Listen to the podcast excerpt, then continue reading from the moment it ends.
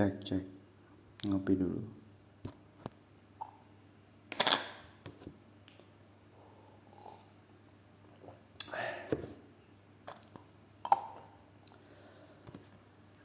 Filsafat pada saat ini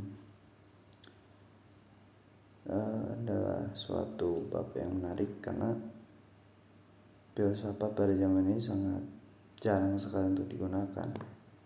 Mereka lupa tentang apa dasar yang menciptakan ilmu.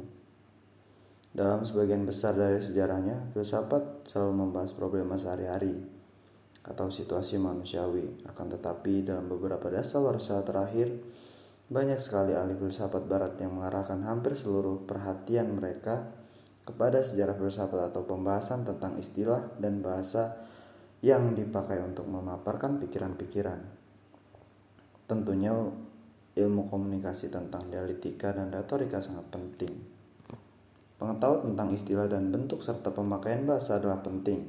Akan tetapi, kita tidak boleh menggunakan pengkajian tentang alat atau instrumen seperti logika, sistematik, analisa linguistik untuk mengganti penelitian tentang problema pokoknya.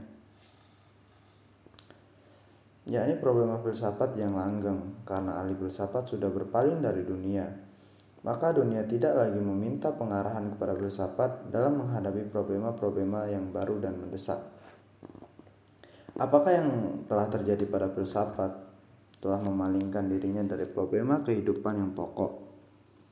Mengapa disiplin fundamental ini telah menjadi jauh dari perhatian manusia dan masyarakat?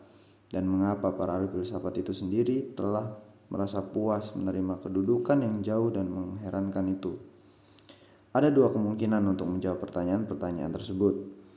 Yang pertama adalah kegagalan filsafat modern dapat ditafsirkan oleh karena terlalu memperhatikan alat yang dipakai untuk memecahkan persoalan. Pada akhir abad ke-20, ahli filsafat lebih suka memperhatikan analisa serta penjelasan klarifikasi dari pendapat-pendapat sains, sejarah, atau paham orang awam.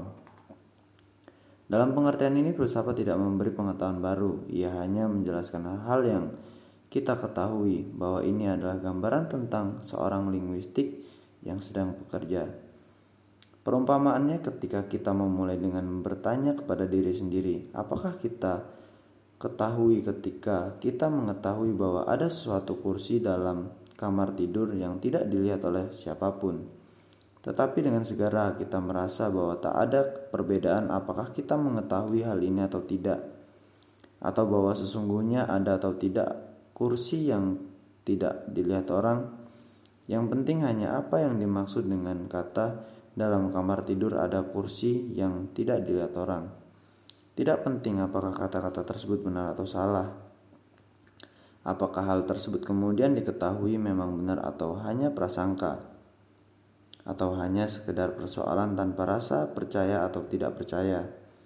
Dan kata-kata yang mempunyai arti yang sama yang sudah tentu salah seperti ada seekor buaya di atas atap yang tidak dilihat orang juga dapat dianggap sama dengan kata-kata yang pertama.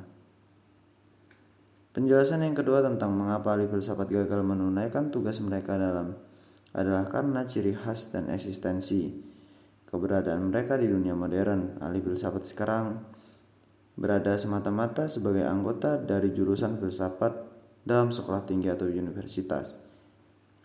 Sebagai guru profesional atau dosen dari sebuah mata pelajaran yang membingungkan. Pandangan biasa terhadap filsafat adalah bahwa filsafat itu membuat rumit ide-ide yang sederhana. Jadi ahli filsafat telah menjelma sebagai profesional sebagai seperti dokter, pengacara atau pemain tenis. Ahli filsafat mendapat gaji sebagai spesialis dalam bidang ide.